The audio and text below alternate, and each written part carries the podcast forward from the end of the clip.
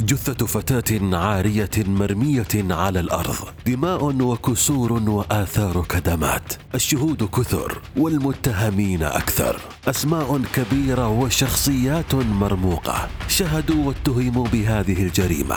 أما المتهم الأبرز فهو موسيقار العصر والملحن الأشهر في سبعينيات القرن الماضي. القصة الأكثر غموضا وغرابة في الساحة الفنية. لمطربة دخلت باب الفن وخرجت منه دون أن يعلم بها أحد. فلا صورة موثقة ولا تسجيلا يحكي قصتها فلم يعرف عنها سوى القليل.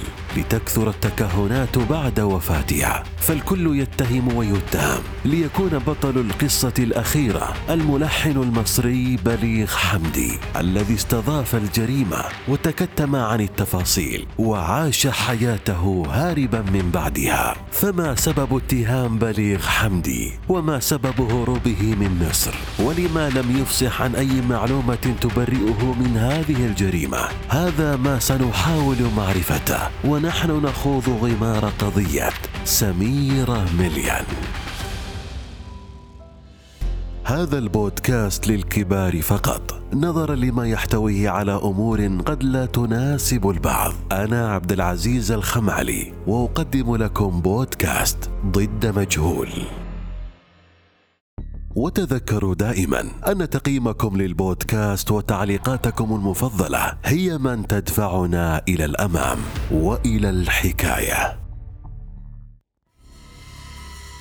بليغ حمدي. الملحن والموسيقار المصري صانع الألحان وصائد الكنوز. الرجل الذي اقترن اسمه مع كبار القامات العربية كأم كلثوم وعبد الحليم حافظ ووردة الجزائرية. رجل وهب حياته للفن ليكون الفن وبالا عليه في النهاية. لكننا الآن سنترك بليغ حمدي يكمل نسج ألحانه ضمن مجتمعه المخملي لننتقل لمكان آخر لنتعرف على ضحية قصتنا. اليوم. ففي عام 1960 للميلاد وبالتحديد في مدينة ديجون الفرنسية مدينة نهر السن وقصر الدوقات وكنيسة نوتردام ولدت سميرة المليان لأب وأم مغربي الأصل والجنسية. لتحمل بذلك الجنسيتين المغربية والفرنسية معا. ولم تؤثر الحياة الأوروبية بعادات وتقاليد عائلة المليان المحافظة بل زادتهم تمسكا بها. فسميرة التي وهبها الله صوتا جميلا وطموحا كبيرا. تم إرغامها على الزواج وهي في الخامسة عشر من عمرها لتعيش بذلك حياة من الفوضى بين أحلام وطموحات ضائعة وبين مسؤولية زوج وأطفال تم فرضهم عليها. فقد أنجبت سميرة طفلين لبنى وأخيها الأصغر مهدي. اللذان كان لهما الدور الأكبر في إخماد طموح والدتهما حيث قررت سميرة التخلي عن حلم الطفولة بأن تكون مطربة مشهورة. تسبح في بحر الطرب لتكتفي بتربية أبنائها والاعتناء بأسرتها إلا أن الأمر لم يدوم طويلا وما تم إخماده قد عاد من جديد ويا ليته لم يعد. فبعد ثمان سنوات من الزواج انفصلت سميرة عن زوجها وأيقظت شغفها المكبوت وقررت مغادرة فرنسا بحثا عمن يساعدها في تحقيق أحلامها لتصل للمغرب وتبدأ الحكاية هنا مع المتهم الأول. ففي المغرب وبظروف غير واضحة تعرفت سميرة على رجل أعمال عربي. تعددت الأقاويل حول جنسيته إلا أن المثبت عنه أنه هو السبب في اقتياد سميرة لمصيرها المحتوم. وذلك من خلال إيهامها أنه يملك شركة للإنتاج الفني وعلى معرفة مباشرة ببليغ حمدي الذي من خلاله ستتمكن سميرة من الولوج إلى الوسط الفني وتحقيق حلمها. كان هذا العرض بالنسبة لسميرة فرصة لا تعوض. فبليغ حمدي الذي لحن لكبار القامات والذي سمي بمكتشف الكنوز. سيكون التذكرة الأفضل لتتمكن سميرة مليان من فرض اسمها في عالم الفن لتقف أمام جمهورها وتسطر لهم قصة نجاحها. وبالفعل سافرت سميرة برفقة ذلك المخلص لمصر بهدف مقابلة بليغ حمدي. مصر التي كانت في ذلك الوقت منارة للطرب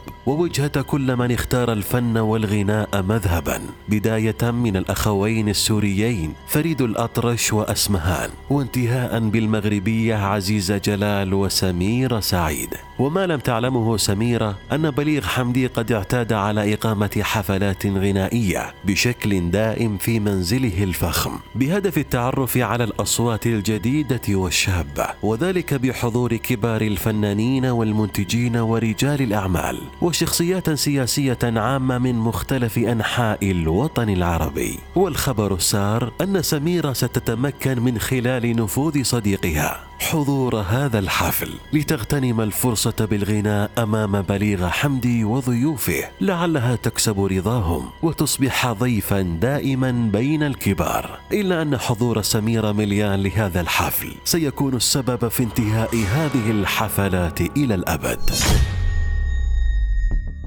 ويبقى اللغز الأكبر حتى يومنا هذا. من هو ذلك الثري المهووس والمجهول الذي دفعه إعجابه بسميرة أن يدخل حفلات بليغ حمدي الخاصة ويمكنها من الغناء أمام ضيوفه؟ فهل كان محبا لها أم أن كل ما فعله بهدف التقرب منها والإيقاع بها في فخ الشهوة؟ لا نعلم ما هي دوافعه لكن ما نعلمه جيدا أن إخفاء اسمه حتى هذا اليوم ليس بالصدفه ففي العشرينيات من كانون الثاني لعام 1984 بدأت الأحداث المريبة تفرض نفسها ضمن حفلة بليغ حمدي. البيت مليء بالضيوف الأضواء تعم المكان غناء وطرب وتمايل. تحين لحظه الهدوء المرتقبة التي يطلب خلالها من سميرة أن تغني. إنها الفرصة. تبدأ سميرة بالغناء بظروف طبيعية دقائق ويقرر من بعدها بليغ حمدي مغادرة المحفل بهدف الخلود للنوم. نوم كيف سينام بليغ وكل هؤلاء الضيوف في منزله؟ صاحب الدعوة والمنزل ينام. قد نعذره ونقول أنه متعب جدا. لكن الضيوف هنا من مختلف الدول ومنهم من جاء لحضور هذه الأمسية فقط. قد نقول للمرة الثانية هو متعب جدا. وضيوفه جاءوا بهدف الاستماع للأغاني والطرب لا لمقابلة بليغ. ولكن مهما كان متعبا لن يستطيع النوم وسط كل هذه الضجة التي تعم المكان. أعرف أن الأمر غير منطقي لكن هذا ما أشيع حينها. لذلك كفى طرحا للأسئلة. السرية التي اتسمت بها تفاصيل هذا الحفل بالتحديد هي من أغرب ما في هذه الجريمة التي قيدت ضد مجهول. فلا معلومة صحيحة ولا خبرا رسمي يقطع الشك باليقين. كلها أقاويل وإشاعات زادت الأمر سوءا. وفجأة.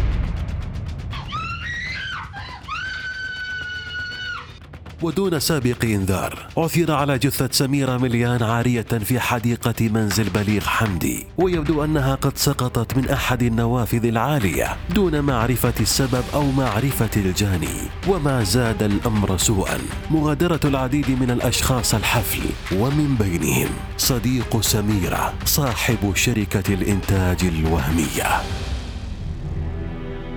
انتهى الحفل وأسدلت الستارة. بليغ حمدي ملحن الكبار. متهم الآن بقضية قتل واغتصاب. فمع العثور على جثة سميرة مليان بهذا الشكل بدأت التكهنات والاتهامات تدور حول بليغ حمدي. الاسم الوحيد المعروف في حفلته تلك. كل الأسماء طمست. لا متهمين ولا أحد يعرف ما هي الحكاية. الحل الأفضل لخروج الجميع من هذه الورطه تلفيق التهم لسميرة واعتبارها باغية. تعمل في الدعارة وقد انتحرت من تلقاء نفسها. ومع انتشار القصة بدأت السلطات الفرنسية والمغربية تطالب بفتح تحقيق يكشف الجاني ليكون اسم بليغ حمدي في صدارة قائمة المتهمين التي لم يعرف أي اسم منها حتى هذا اليوم. أيام ويتمكن بليغ حمدي من الفرار خارج البلاد. صمت مطبق لا تصريحات واضحة ولا أسماء مشتبه بها. بليغ حمدي يدافع عن براءته بخجل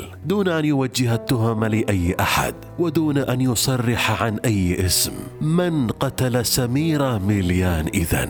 وفي الحقيقة لولا تدخل السلطات الفرنسية لكان المحضر قد أقفل بشكل مباشر باعتبار القضية قضية انتحار لا أكثر إلا أن التحقيقات استمرت ولكن للأسف دون أي فائدة. والحكم الوحيد الذي صدر في هذه القضية كان بحق بليغ حمدي بتهمة تسهيل الدعارة على اعتبار أن سمير مليان عاهرة منتحرة. كيف يتم إقفال المحضر بهذا الشكل؟ وقد روت بعض المصادر عن وجود كدمات وآثار عراك على جسد سميرة وما هي حقيقة قصة مغادرة بليغ الحفلة بهدف النوم؟ هل تعتبر هذه القصة منطقية؟ وما هو سبب التستر التام على أسماء المدعوين للحفل؟ وأين صديق سميرة مليان من كل هذه الأحداث؟ وكيف اختفى اسمه بهذا الشكل؟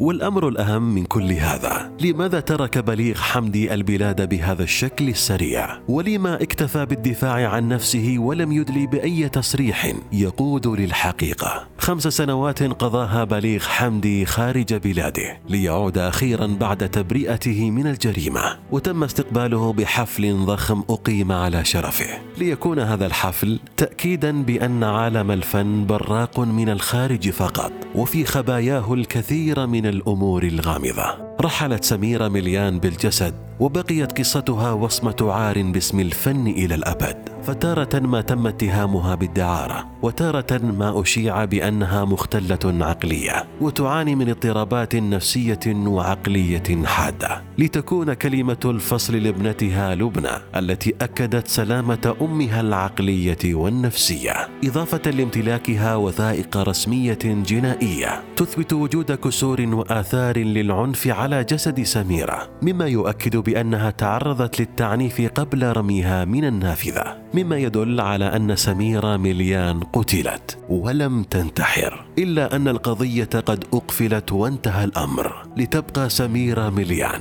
لغزا محيرا حتى هذا اليوم برأيك عزيزي المستمع كيف تفسر هذه القضية؟ هل سميرة مليان قتلت أم انتحرت؟ شاركني رأيك في التعليقات أو عبر حسابنا في تويتر باسم بودكاست ضد مجهول وحتى الحلقة القادمة. كونوا حذرين.